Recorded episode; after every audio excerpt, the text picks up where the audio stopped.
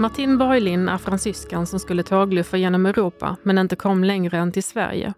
Hon är mellanstadielärare på Lerbäcksskolan, driver ett biståndsprojekt i Tanzania och står bakom företaget Honungsgården i Skåne, där hon sköter om i runda slängar fyra miljoner bin. Men vad är det egentligen som driver denna mångsysslare? Det och mycket mer ska vi ta reda på idag.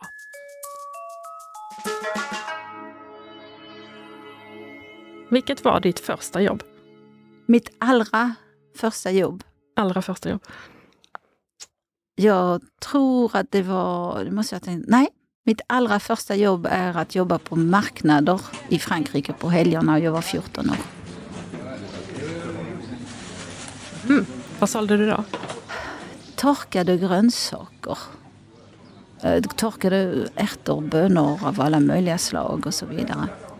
Och det var, eh, det var, jag var entusiastisk även om man skulle upp tidigt på helgerna och så vidare. Men om man nu ska fatta sig kort så är jag uppväxt i en miljö där pengarna inte flödade och plötsligt när jag var 14 så fick jag en chans att få in egna pengar. Eh, dessutom hos trevliga människor som lärde mig massa. Jag kunde knappt väga saker och sånt men de hjälpte mig. Så det är mitt första jobb och jag har eh, Ja, det var det. Mm. Kommer du ihåg vad du ville använda pengarna till? Ja, bruksvaror kallas det. Det vill säga sånt som man behöver när man är 14 år och inte får pengar hemifrån. Uh, lite nöje och sånt men kanske lite kläder kommer jag ihåg. Nu pratar vi inte om några stora pengar. Det var bara ett tillskott så att jag kunde köpa vissa saker. Jag är uppväxt i en familj med en mamma till slut. Pappa försvann tidigt. Uh, och vi var åtta barn. Så en mamma, det, det var svårt och liksom rent ekonomiskt. Så Var att, eh, befann du dig i syskonskaran då? Nummer två. Ja. Det är alltid lite tuffare att vara en av de äldsta. Ja, man fick ta väldigt mycket ansvar. Det är ju sånt. Men det är det är ju kanske det som har präglat mig mest i mitt liv. Vi gjorde en uppdelning, min, min syster och jag. Hon fixade det där med mat. Min mamma gick till jobb, min syster fixade mat och eh, eh, organiserade liksom städning och sådana här saker. Och jag tog hand om barnen. Så eh, det tyckte jag var roligare än att diska. Mm. Så jag slapp diska om jag hjälpte mina småsyskon att göra läxor, att gå och tvätta sig när det var dags och lägga dem och sådär. Så att uh, man lär sig mycket. Mm. Och det här var i Marseille? Det var utanför Paris. Utanför Paris? Var fick jag Marseille ifrån? Därför att uh, jag, när jag kom hit till Sverige så kom jag uh, faktiskt nästan direkt från Marseille. Jag hade sommarjobb där. Jag var... Uh, jag jobbade på en campingplats med tre, fyra, 500 platser tror jag. Upp till tusen människor var där. Och sen har jag en kompis som uh, jag gick gymnasium med som sa, ska du hänga med? Vi behöver någon som, uh, vad heter det, fritidsledare organisatör någonting. Så jag skulle, eftersom jag var bra på eh, idrott, gymnastik och sånt, så hade jag ansvar för att bevaka poolen eh, diskjockey runt poolen, organisera mm -hmm. fester, organisera aktivitet för barn på eftermiddag och så vidare. Man jobbade säkert 20 timmar av de 24 man hade tillgång till. och det var fantastiskt roligt. Och det var strax utanför Marseille. Och det gjorde jag mm. flera somrar i, uh, i rad. Och det var där jag träffade min blivande man. Just det, som kom från Sverige. Som kom från Sverige. Vi brevväxlade ett år i alla fall, så kommer han tillbaka. Och sen tänkte jag att ja, just då kommer jag inte ihåg, jag var 19 tror jag. Just då fick jag liksom ta ett litet beslut. Jag hade egentligen inget jobb längre. Jag hade inga, uh, ingenstans att bo riktigt om jag inte ville tillbaka till mamma. Um, och sånt. Men jag hade lite pengar och så hade jag blivit bekant med en massa folk i hela Europa. Så jag tog en liten rundresa tänkte jag. Mm. Började med Sverige, sen skulle jag till Nürnberg och träffa några jag hade träffat där. Och sånt. Men sen kom jag till Sverige och så kom jag aldrig härifrån. Var det tågluff eller hur tog du dig hit? Tåg första gången, mm. ja. Det var en upplevelse. Och då kom du till Skåne? Då kom jag till Skåne. Jag kom till, kom till eh, Köpenhamn, tog båten över och fotograferade som en riktig turist, fotograferade alla dessa fiskmåsar som flög runt om båten. För det har jag aldrig sett. Eh, och kom då till Malmö och sen, eh, sen, sen är jag här 47 år senare. Så att... Galet. Så, därför är jag här. Därför är du här. Hur var det, vad fick du liksom för första intryck då av Sverige när du kom hit? Det var som att komma på landet. Jag har bott utanför Paris. När jag har varit någon annanstans någon gång så har det varit eh, där det är jättemycket folk och sånt. Så att här tyckte jag att oh, det var så vilosamt. Bo i Malmö och sådär. Och alltså positivt vilosamt positivt, eller tråkigt? Positivt, men jag vet att mitt min före detta brukade med jämna mellanrum, så brukade han köpa en, eh, en biljett till mig. Så jag kunde åka till Köpenhamn och gå längs med Ströget och bara se alla dessa människor gå mot mig. Så jag kunde känna, ah, det är så det känns. Um, Hur kände du att folk tog emot dig när du kom hit? Både och. Mm. Mm. Jag tyckte, jag tyckte just det här uh, att svenskar, det var annorlunda såklart. Uh, det var en massa sociala mönster och sånt som inte jag följde riktigt och uh, som var udda för mig. att... Vadå till exempel? Hur man skulle vara. vi var på en del fester till exempel. Jag var ju 20 och då var det tänkt att man skulle gå på en massa fester och folk drack en del i 20-årsåldern. Det var jag inte van vid. Mm. I Frankrike det är många fler som dricker, många fler problem med alkoholism och allt det där. Men inte på samma sätt, det vill säga på min tid. För att man måste ändå tänka på det är 40 år sedan så drack inte ungdomar, framförallt inte så unga som här. Jag var helt förskräckt i början. Och att när någon frågade, vill du ha ett glas vin? Nej, jag var 20. Man dricker inte vin när man är 20 i Frankrike. Man börjar kanske när man är 30. Mm -hmm. För det är en vuxengrej. Möjligtvis dricka lite öl och på den tiden så var det inte så mycket... Ja, det var inte så poppis. Eh, det var, det var väldigt lätt att glida igenom utan att sådär.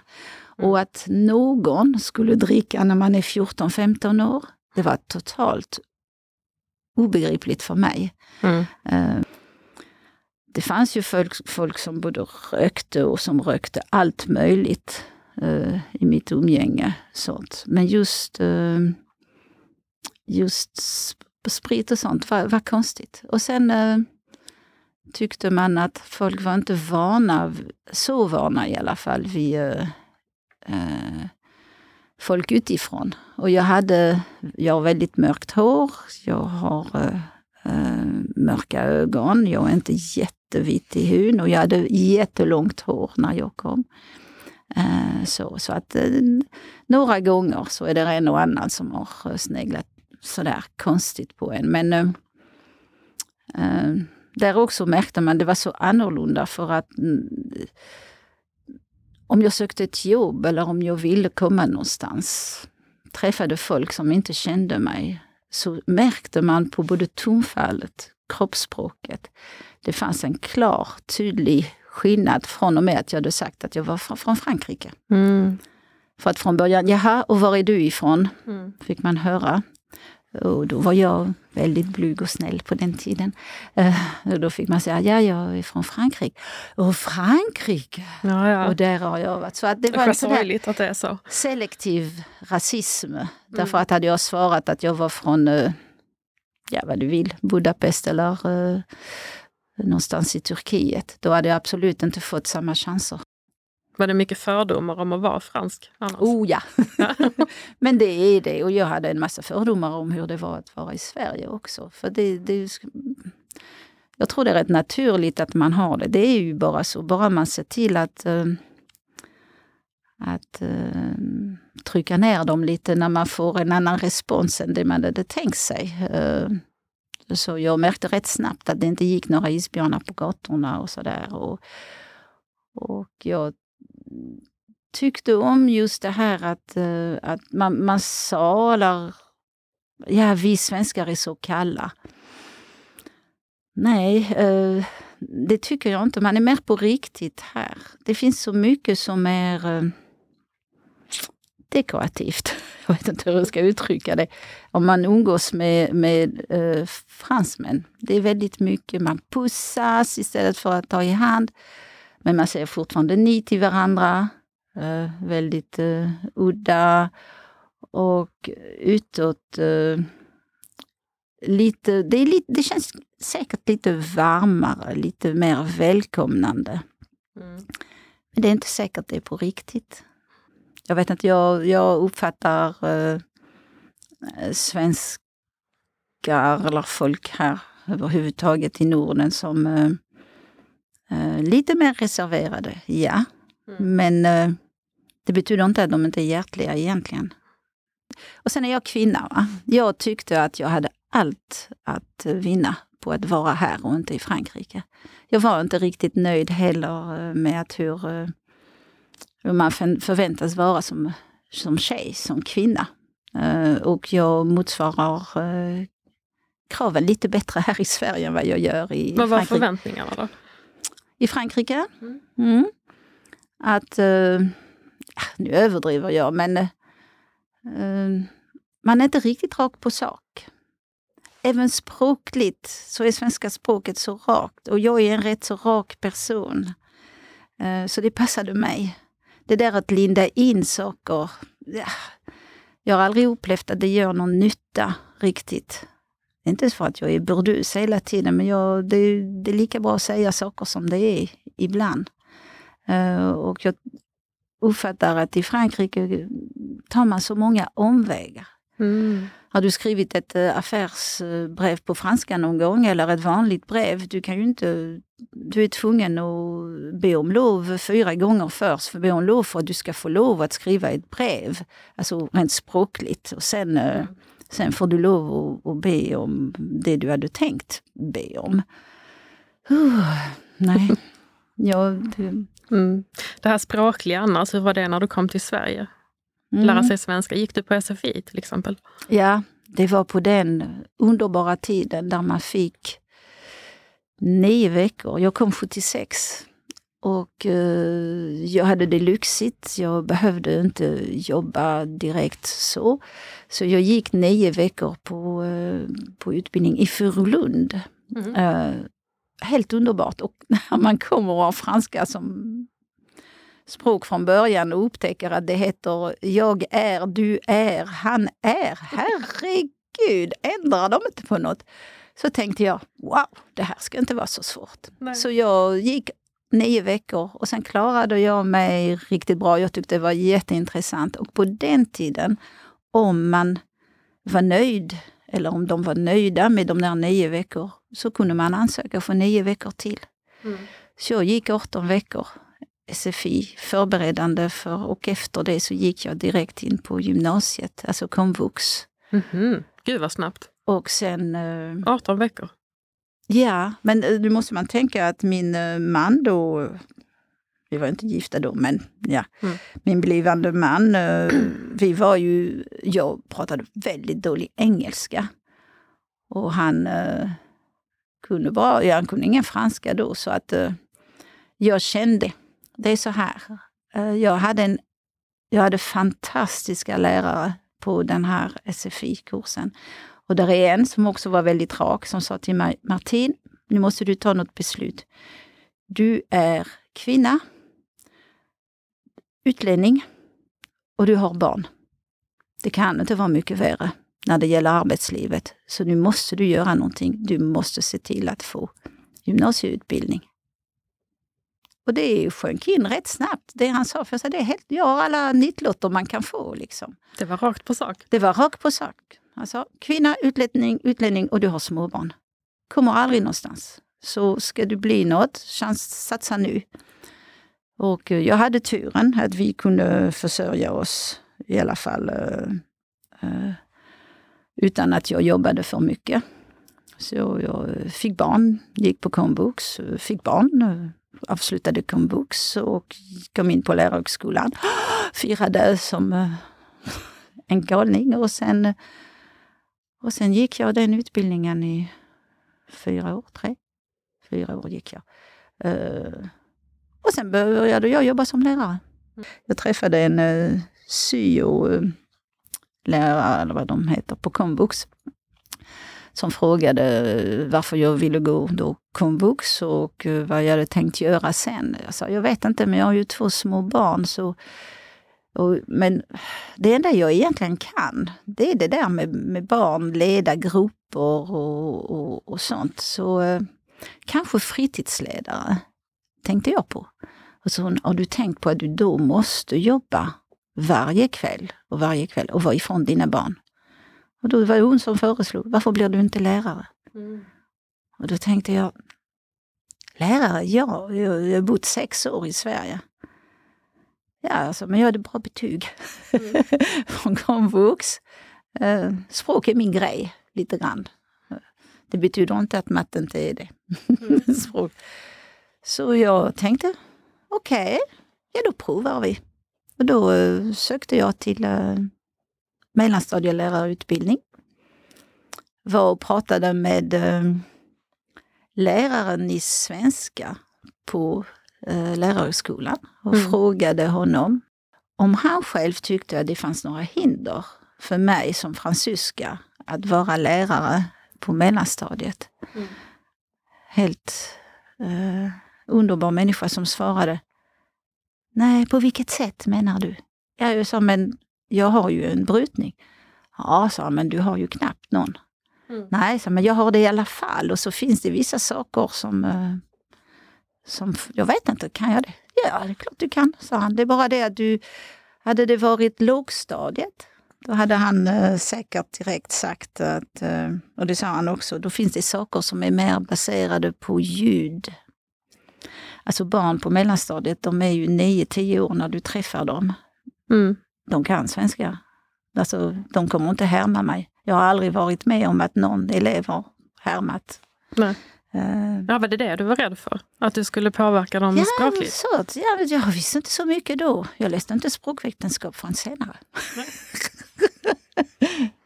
Nej, så att, eh, och det var helt rätt. Men du har aldrig varit fransklärare? Tänker det skulle varit jo, naturligt. det har jag också. Efter, efter många år, det var lite struligt när man jobbade i Malmö och sånt, så kände jag att det är dumt att inte utnyttja det här att jag faktiskt kan franska också. Så jag började äh, läsa franska på universitet här. Mm. Så jag blev lärare i franska också. Och det, eh, det har jag jobbat som några år som, men äh,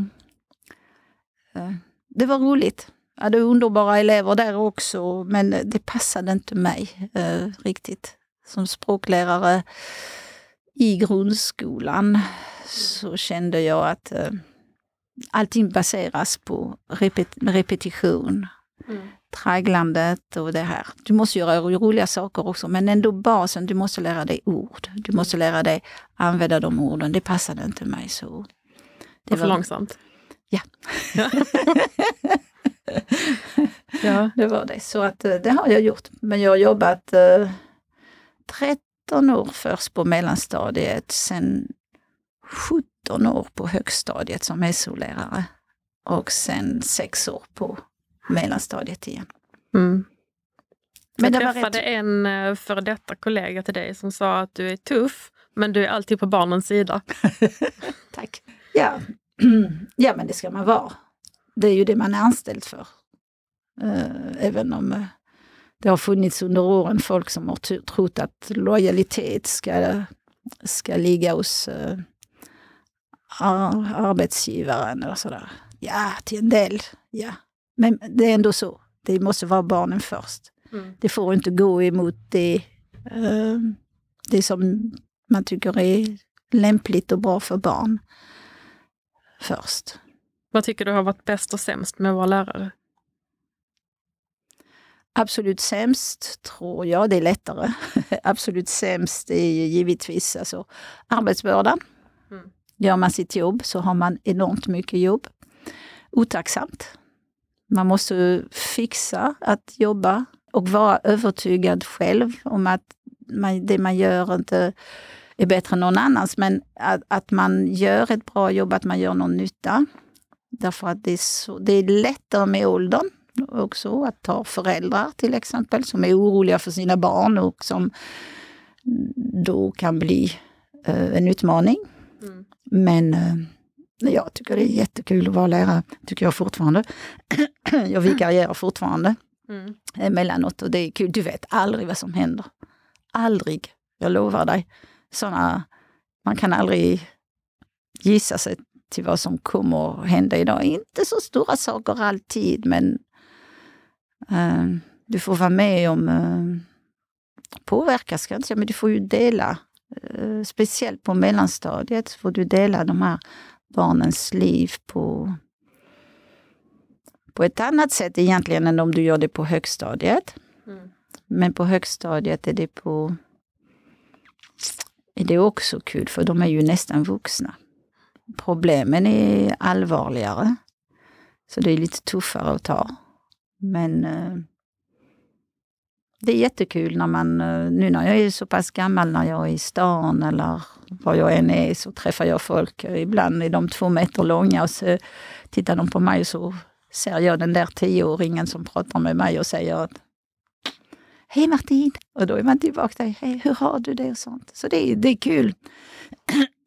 det är då, då 20 år senare får du veta, då kommer de att presentera sina småbarn och sina respektive och sånt. Så det är kul. Mm. Så man hoppas att man man är ju inte perfekt. Det, jag, det finns säkert folk som både har hatat mig och undvikit mig. Men eh, det har funkat. Det har gjort mig glad och det har eh, hoppas jag. Det känns som om att eh, jag har gjort någon nytta. Mm. Och hade jag inte varit säker på det, till 99 procent i alla fall, så är det inte lönt att vara lärare. För att du får inte så många, du får ingen annan belöning. En lite oväntad sak som ni hade för er var ju eh, när ni överraskade eleverna med dans på skolavslutningen.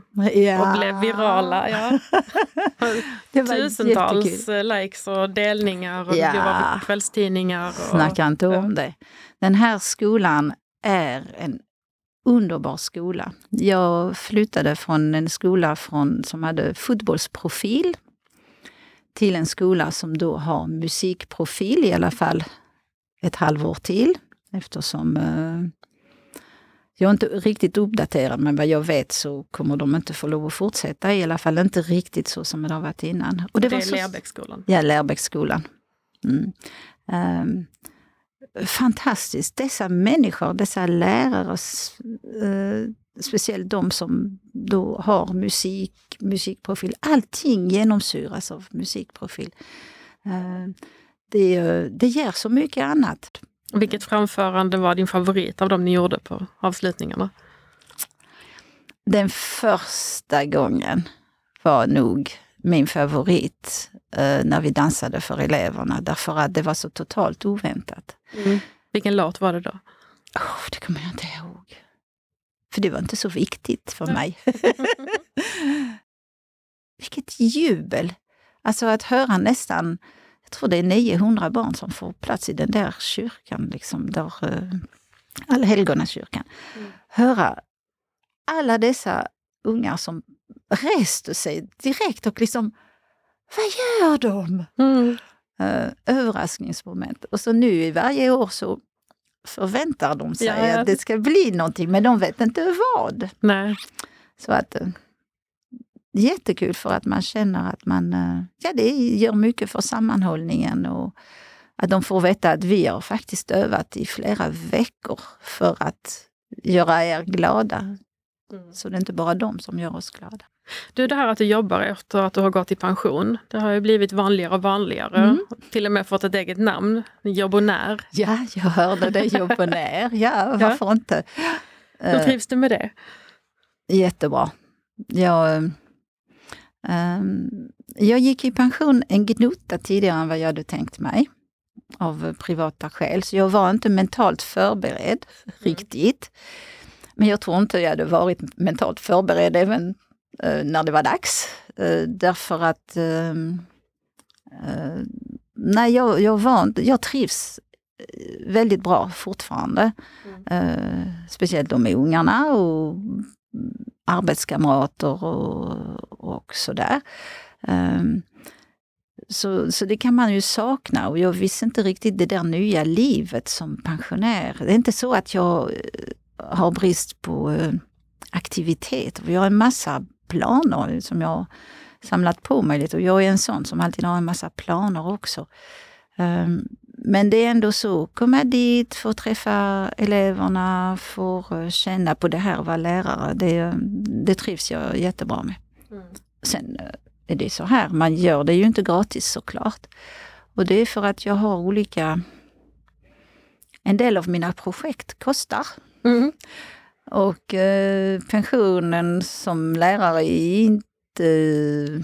Jag hoppas det blir bättre för de som är lärare nu, kommer in i yrket, därför att då har de lite högre löner än vad vi hade.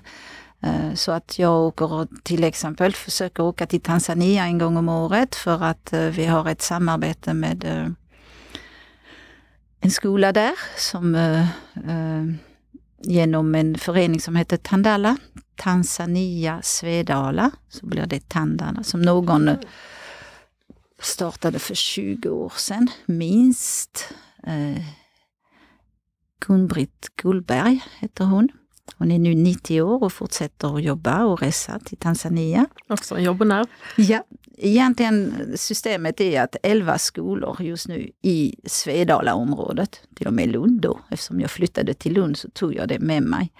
11 eh, skolor här hjälper, har en systerskola i Ensega-området eh, mitt i Tanzania, det fattigaste delen av eh, Tanzania. Så jag fortsätter. Det, det var jag som startade där eh, samarbetet med Lärbäck och då Lakuyi som skolan heter. Och just nu så, eftersom jag har slutat, så håller vi på att föra över det som har varit mitt ansvar till eh, någon annan på Lärbäck. Men det är fortfarande jag än så länge som har tagit på mig att resa dit mm. för mina egna pengar.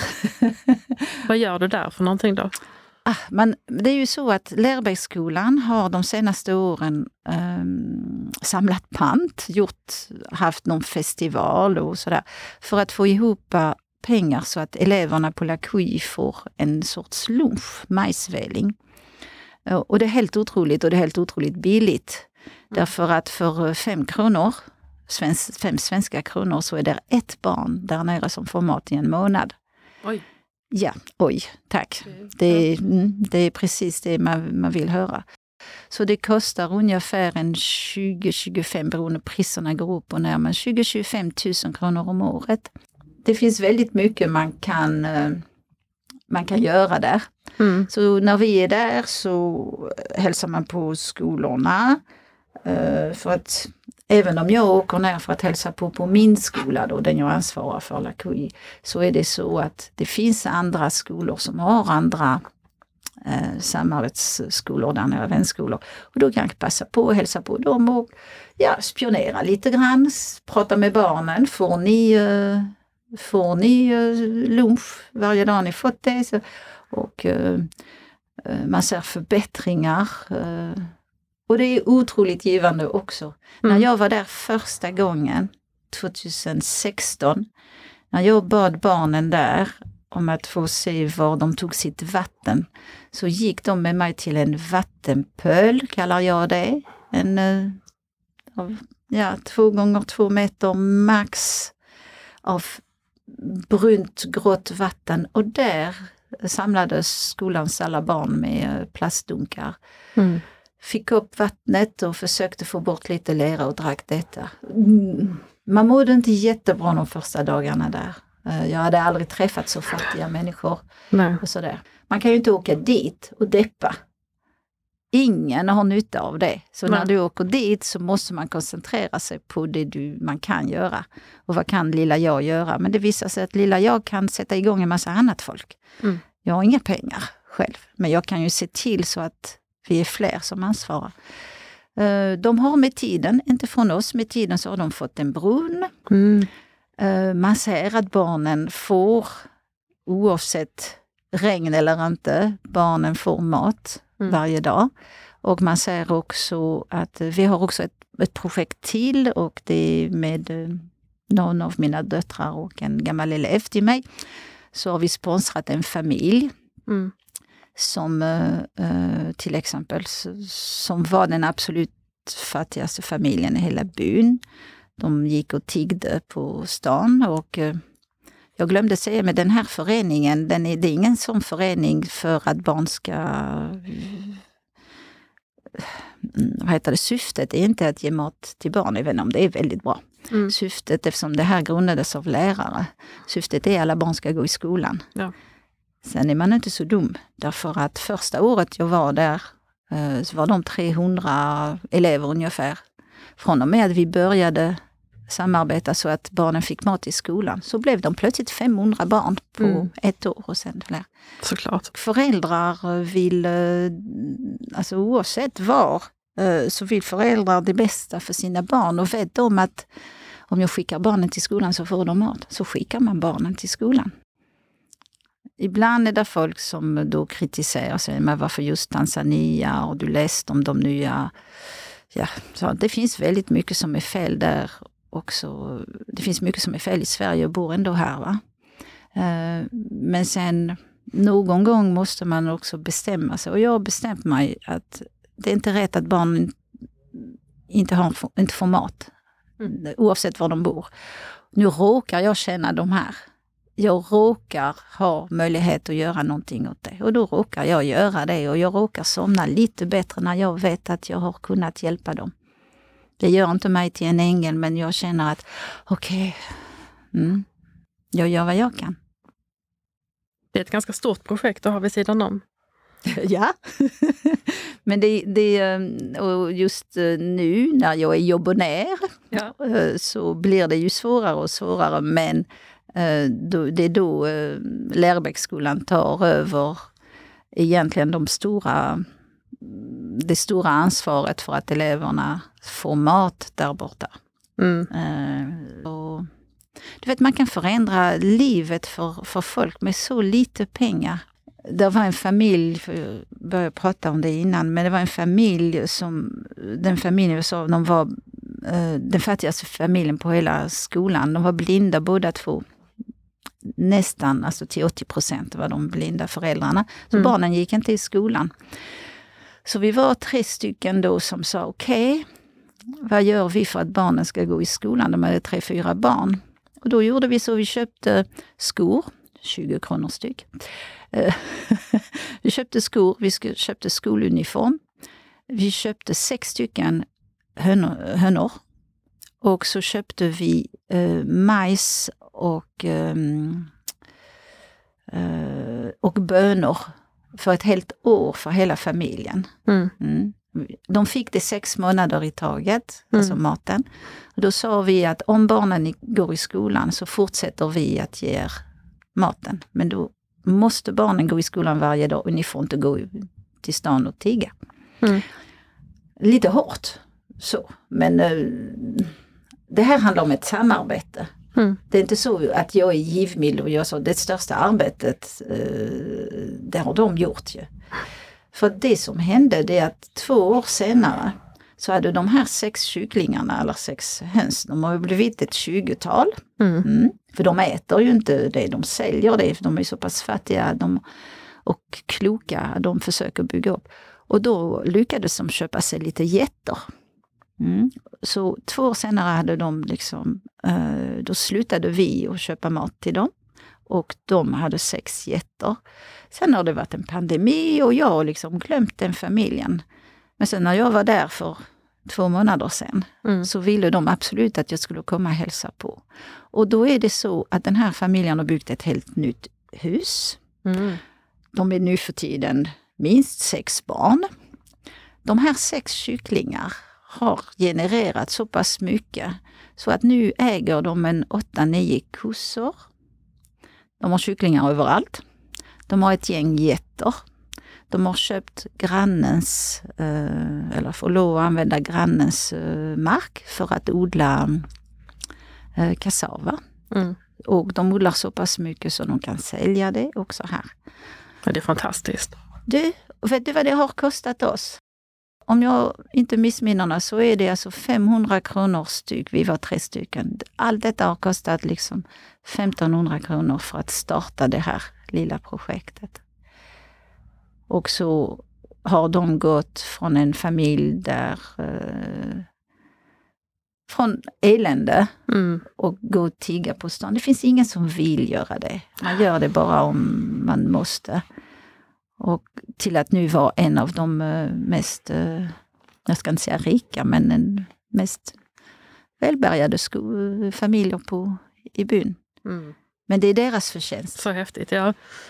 Det är egentligen deras, det är de som har gjort jobbet i några Den lilla år. knuffen. Ja, det är den lilla knuffen som man behöver ibland, för du kan ju inte satsa det du inte har. Mm. Och de var ju villiga att jobba för detta, men eh, så ibland har man tur. Ibland blir det bra, så det blir en liten solskenshistoria. Men den är på riktigt. Ja. ja, ett annat av dina projekt är ju biodling. Ja. De senaste ett och ett halvt åren så har du lärt mig allting jag vet om biodling. Vilket fortfarande är ganska lite, men ändå en del. Ändå. Ja, Jag har en bikupa. Hur många har du? Eh, vi har, för vi är två, vi har alltid mellan, alltid, om det inte inträffar något eh, förfärligt så försöker vi ha mellan 80 och 120. Eh, så att man har, vi har, försöker ha ungefär 100 stycken, för det är ungefär vad vi kan hantera. När man har en som jobbar heltid och en jobbonär, som ibland är på resande fot, så det är ungefär vad man kan hantera. Um, och det är ett eh, fantastiskt eh, hobby. Ett ställe där du måste vara tyst. Ingen frågar dig någonting. Tyst och lugn. Inte på hugget, utan tyst och lugn och så. Lite terapeutiskt. Du är där och håller på med det. Men du, jag har faktiskt lagt märke till att du pratar en del med bina när du är hos Ja. dem. Och du brukar säga antingen flickor eller mina damer till Mina dem. damer. Ja. Mina damer, ja. Ska vi Mina- reda ut det här med binas kön? Ja. Ehm, vi kan ta i ett samhälle, för det heter inte kupa, jag säger fel ibland. Till och med jag gör det. Kupan är egentligen bara materialet du använder, det är själva bostaden. Samhället är ju hela alltet. eh, Och framförallt då bina. Och bina, samhället består då av nummer ett, en drottning. Mm. Och det är hon som är damen. Oftast. Eh, och hon är eh, en hona. Hon har möjlighet att eh, lägga ägg och att reproducera sig på alla möjliga sätt. Två i alla fall. Eh, så hon, eh, hon är drottning. I kupan finns också, i alla fall under, mm, vad ska vi säga, mellan maj- Juni till eh, september, nu för tiden kanske till och med november, så finns det drönare också i kupan och de är ju hanar. Ehm, det är de som har till uppgift att, eh, det är egentligen deras enda uppgift.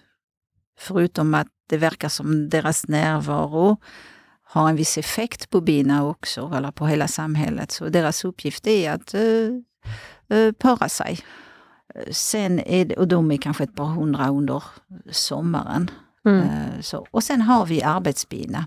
Och arbetsbina är eh, egentligen könslösa. De är ju varken eh, han eller hon arbetsbina. Ibland kan man säga hon, eller kan man, därför att om det skulle bli total kris i kupan, drottningen är död och så vidare, så har de också möjlighet, alltså det är någon av dem som plötsligt kan eh, få för sig att lägga ägg. Och därför så kan man tänka, ska de vara något så får det vara kvinnligt. Men de äggen blir aldrig någonting. De kan aldrig eh, vara med på reproduktionen på något sätt. De äggen blir bara drönare. Mhm. För de är inte befruktade. Mm. Eh, Så, så själva... Och de kan vara många och i själva i kupan, samhället på vintern är kanske 20 000 bi, säger vi. Och sen eh, på sommar så 50 000. Eh, Sen är det så att, att vara biodlare, man måste tänka att det är just en, man är odlare. Mm.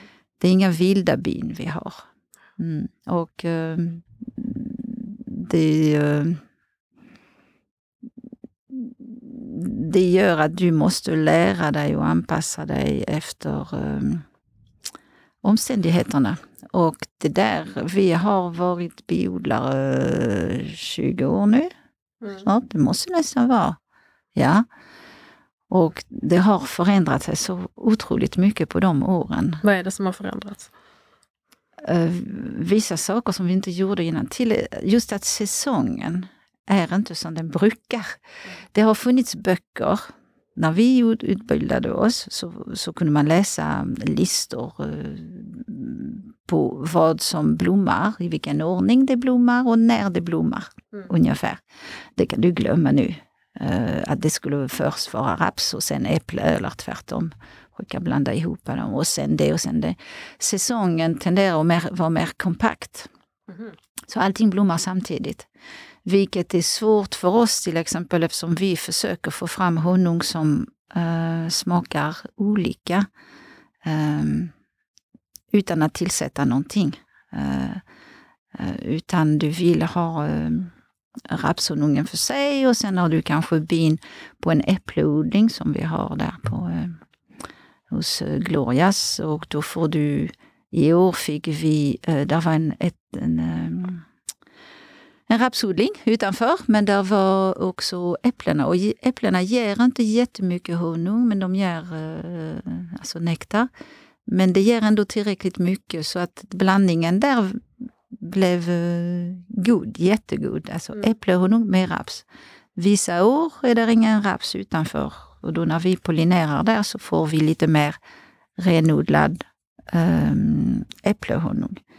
Ehm, så det, den biten är svår, att det inte blommar. Och sen eh, att säsongen är... ehm, mallen som vi egentligen ska följa, det är att någon gång i augusti så invintrar, då kommer de där stormarna. Vi ser till så att eh, bina har fått mat, det vill säga oftast de behåller en hel del av eh, eh, sin honung i eh, yngelrummet och så tillsätter man sockervatten om man nu gör så som vi gör. Men oavsett hur du, du gör så ser du till att bina har i augusti tillräckligt med honung så att de klarar eh, sånt. Men så är det inte, därför att i augusti gör du detta fortfarande. Men sen ända ut i oktober, november så kan det bli riktigt varmt här. Mm. Och är det varmt, då flyger bina. De flyger, men det är inget som blommar. Mm. Det Men jag ser mina fortfarande ibland. Ja, och då konsumerar de mycket mer eh, honung Mm. eller mat än vad de hade gjort annars. Så de sista åren så har vi i november gått runt i alla våra kupor, känt på dem och sett att eh, en del eh, svälter Mm. redan. Eh, och då har man fått mata dem. Och eh, jag tror i fjol tror jag att vi eh, var ute tre gånger. Jag lovar dig, de första åren behövde vi aldrig göra det. Vi matade dem eh, och sen, ja, Och väntade det man är klimatförändringarna. Ja, det är alldeles för varmt i eh, oktober, november. Nu har det börjat bli kallt för att det, de flyger när det är över då 10 grader någonting. Mm. Ehm, men så måste man tänka om du har uh, kuporna i solen en varm eftermiddag så kan det bli kanske 12, 13, 14 grader. Mm. Då flyger de. Och ingen mat ute. Men de konsumerar. Och de går inte i klot riktigt som de gjorde. För att när det är kallt så går de i klot och samlar sig. Och eh, skyddar drottningen i mitten och så äter och så klotet förflyttar sig i kupan Mm. där det finns mat. Eh, För kupan är alltid samma temperatur, eller hur? alltså 30, vad är det, 7, 8 någonting? Ja, 34, 37, 38 lite för mycket men 34,5 är det väl vad som drottningen kläcks. Det var vi har i skåp 34. Men det är över 30. Men det är klart att om du tar det där klotet och eh, kollar temperaturen inne i klotet och utanför. Så det är inte riktigt samma sak. Men det är som rumpingis, du vet. Mm. Den som är ytterst får gå in och värma sig och de som är eh, och så byter man plats med de varandra. De är ju väldigt roliga. Alltså på, ja. på vintern att de värmer varandra och sen så på sommaren då att de, med fläktbina. Ja. ja, visst. Extremt gulligt. Det är, det, jag har aldrig i min uppväxt varit eh, jag ska inte säga att jag inte var naturintresserad, men jag är uppväxt utanför Paris. Det var inte så mycket mer än uh, kol, jag vet inte, en och annan koltrast kanske, men annars är det lite små fåglar och lite små möss här och där. Men, uh, mm. Så det här uh, att man lär sig något nytt sådär som vuxen är ju intressant för att jag hade absolut inte de rätta kunskaperna när det gäller växter, träd och så vidare. Mm. Du, om vi går tillbaka till den här reproduktionen. Mm. Om man jämför med människor då, som träffar partners på nätet. Men bin har istället en kärlekskorridor åtta meter upp i luften. Ja, det kommer du ihåg. Ja. ja. Ja, men det är ju så. Och det som är intressant här, det är relativt nytt. Nu är det så att när man är så gammal som jag är så vet man inte om sakerna hände för 10 eller 20 år sedan. Va? Men jag tror att i början på vår utbildning så sa man att ah, man vet ungefär att drottningen parar sig med ungefär 15 stycken. Men nu har äh, det där med DNA och eh, sånt äh, gått framåt så nu har man kunnat undersöka hur många drönare drottningen har parat sig med. Och man vet att det är runt 50. Så 50 stycken. Gud, det var många. Och så ska vi ta den roliga biten då. Ja, ja. ja men det är ju så att eh, om vi förutsätter att du har en drottning som uh, kryper ut ur sin kokong då, och vi hoppar över hur långt hur den kom dit, uh, så, så går det då en vecka och under den veckan så börjar hon liksom växa till sig och bli eh, efter två veckor så är hon könsmogen. Alltså, först är det lite pubertet och sen två veckor, då är man könsmogen. Då är, eh, för en drottning då är det dags att gå och para sig. Mm. Och då flyger hon eh, i de där berömda korridorer där det flyger en massa drönare hela tiden. Och då kommer hon där och så parar hon sig med nummer ett och sen nummer två och nummer tre. Den här flygresan kan hon göra ungefär två gånger räknar man med om det behövs. Men det kan hända ibland att det bara behövs en gång. Mm. Um, och för varje gång hon parar sig så har hon en ficka på sidan här och då sparar hon drönarens sperma i den här fickan. Um, och så fortsätter hon och som sagt uh, nummer eh, 20 och sen nummer 30. Och sen parar hon sig med nummer 49 och sen kommer uh, nummer 50 säger vi om vi säger att den här drottningen sa Och uh, rent tekniskt vet jag faktiskt inte riktigt hur hon gör men det måste vara väldigt mekaniskt, det vill säga att när uh, hon, de har blivit, uh, när de har parat sig klart, så resultatet av, av det hela det är att hon på den här fickan har inget lock. Så vi. Då är det hans, drönarens könsdelar som eh, hon får med sig. Som täpper till den där öppningen och så eh, han eh, faller ner till marken skulle jag tro, väldigt död. Eh, så. Och taskiga som skrattar. Ja, ändå. men eh, så kan tro att när man berättar det för eleverna så är de wow! Ja.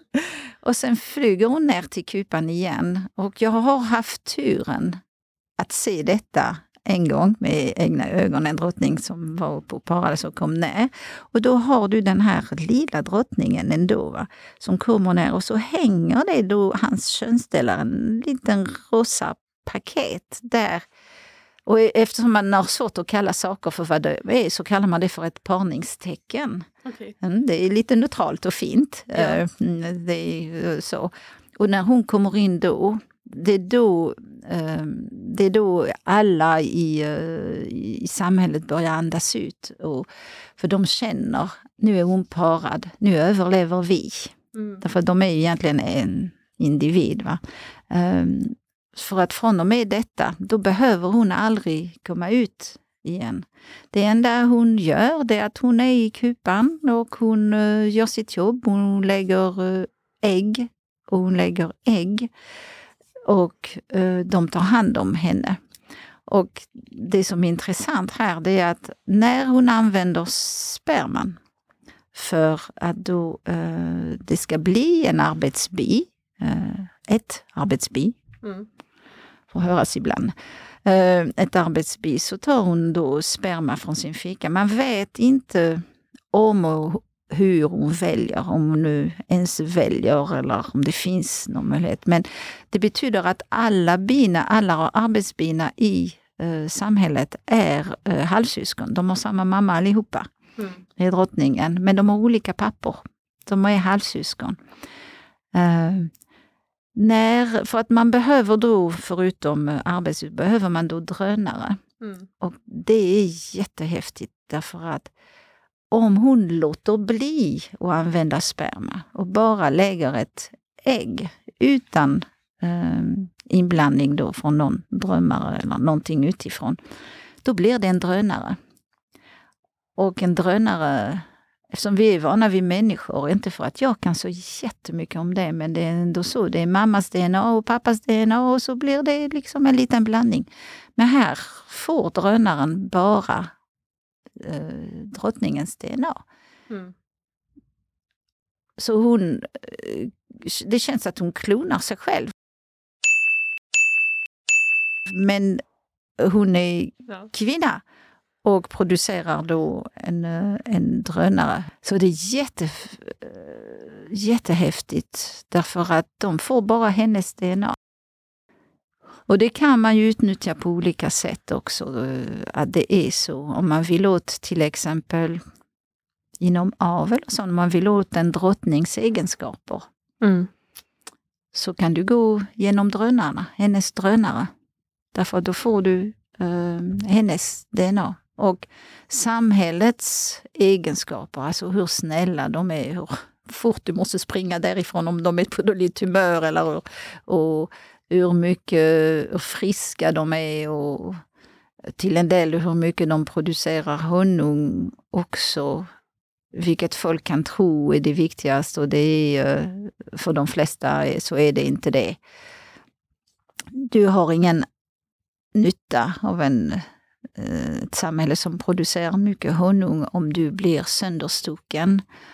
Om de är mottagliga för sjukdomar, för i så fall kommer de bara producera bra honung ett år och sen kommer de dö. Så att absolut viktigast är att de är eh, eh att de är friska och snälla och jag skulle nog lägga snälla först. Alltså hanterbara. De får ju fortsätta att vara bin såklart men eh, Mm. Eh, inte för aggressiva. Men vad är det du gör då? Du säger när du håller på med avel och vill ha drottningegenskaper? Jag ska inte ta åt mig äran för att eh, jag kan alldeles för lite om det. Men det finns en, eh, en förening, Lunds biavelsförening, um, som jag har varit medlem i många år och där har vi två eldsjälar. Sven-Åke Nilsson och Bengt och varför kan jag inte Bengts efternamn? kan man undra. Och Bengt är vår avelsledare. Och han är jätteduktig därför att han har jobbat med genetik tidigare mm. i sitt... Uh, han är också uh, lite jobb och ner. Uh, gör mycket men är väldigt mycket pensionerad. Och han, hans uppgift är nummer ett att se till att vi inte råkar ut för inavel att vi har friska bin. Det är uppgift nummer ett. Uh, han ser till att vi, uh, uh, heter det, att vi har friska bin. Så när det gäller att prioritera egenskaper, alltså vem... Vi har ju de vanliga bina, de vi, som producerar honung, men sen har vi vissa grupper, vissa bigårdar som är avelsbin. Och det betyder inte att de är bra. Det betyder att de har egenskaper som vi har nytta av. Mm. Och jag är totalt uh, okunnig. Jag förlitar mig på uh, Bengts kunskaper. Bengt Andreasson är det. Mm. och han är himla duktig därför att uh, när det i Sverige just nu uh, förekommer nästan överallt att uh, folk har börjat få problem med inavel så har vi inte det i Lunds biavelsklubb. Mm. Därför att, uh, för att han vet vad han gör. Um, och jag är uh, medlem där och det vet de. Jag är tacksam, ödmjuk och uh, gör det som Bengt säger. du, vilket är det som motiverar dig mest? Är det liksom bi, att lära dig om bina och bisamhället eller är det honungen? Jag tror att om du frågar 90 procent av biodlare, om du frågar biodlare så 90 procent kommer att säga att ah, det är bina som är roliga. Mm. honungen. Det var någon som sa att honungen är det du måste syssla med för att ha råd med bina. Ja, ja. och det är det är både och såklart. Men det är en... Ehm, som sagt, det började som ett litet fritidsintresse.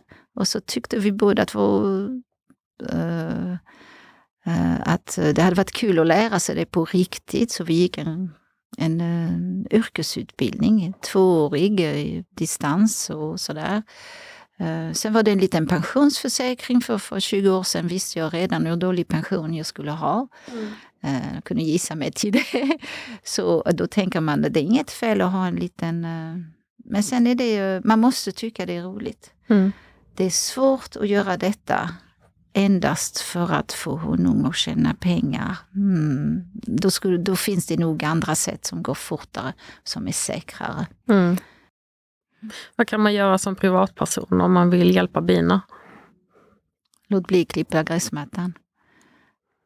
Slöa lite till. Se till att ha en hörna uh, med lite vildare växter. Uh, gärna, uh, alltså det är inte bara våra bi, så att säga, odlade bi man ska tänka på det överhuvudtaget. För att jag vet att till exempel i stan och sånt så får vi ibland kritik om vi har för mycket uh, bisamhälle i stan. Ehm, och det kan jag förstå, absolut, eh, för det blir konkurrens med de andra. Men det är också att se lite begränsat på saken. Ja, men vi kan väl jobba för att det ska finnas mat för alla. Nu kan inte varenda trädgård ha en bikupa såklart. Va? Men eh, om det fanns mer mat och överhuvudtaget som sagt Skåne. Jag vet på lilla hem, jag flög en gång när, eh, över Skåne när eh, rapsen blommade. Mm. Och det är lite så tjusigt, lite roligt. Allting är gult. Mm. Som biodlare så är det sorgligt. Därför att ja, vi kommer få en bra skörd på rapsen. Men den honungen tycker jag inte om. Men du får en bra rapsskörd. Men sen, eh, sen måste du hitta på... Sen är det inte en lugn stund för att du vill, du vill gärna att bina ska överleva. Sen är det jättebra om du får skörd också, men du vill ju att de ska överleva på eh, inte bara sockervatten, du vill att de ska kunna få tag i pollen och nektar och olika sorters pollen. Och Mm. Att det inte ska dra på dem och att det inte ska vara för mycket avgaser. och att det, Alltså allt det här. Och det är mycket svårare, tycker jag, när man i Skåne har så, eh, vad heter det, monokultur. Eh, Mm. ensidig... eh, Det är inte så att jag tycker att alla ska sluta odla raps, men lite mer variation hade vi behövt. Mm. Också. Du, en sista fråga. Mm. Hur smakar Lund? Lund. Ja. Lundahonung är god för att den smakar... Ja, nu kommer det där att jag är uppväxt i Frankrike. Skåningar vill gärna ha rapshonung. Det är som uh, sugar paste. Det är sött, det är bredbart, det är mjukt och sådär. Men Mm. Det smakar inte så jättemycket. Så honung från Lund smakar blommor.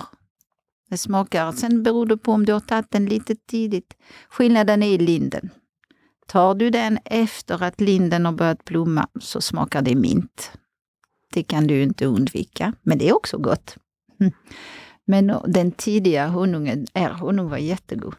Den var jättegod. Ja, den var jättegod. Jag har haft den på, eh, till gröten nu på mm. morgnarna. Uh, och ni hade inte så mycket lind i närheten. Nej, den inte jag. Inte, nej. Uh, så att uh, den är blommig och man känner när vi får in sån honung, om vi har någon bigård där vi inte där, vi, där, vi inte, där det inte är en växt, inte en blomma som, är, som tar över, utan det är en blandning, så kallar vi det för tusen blommor. Det som på franska heter millefleur, milles fleurs, som mm. brukar säga till mig. Och det är en bra beskrivning.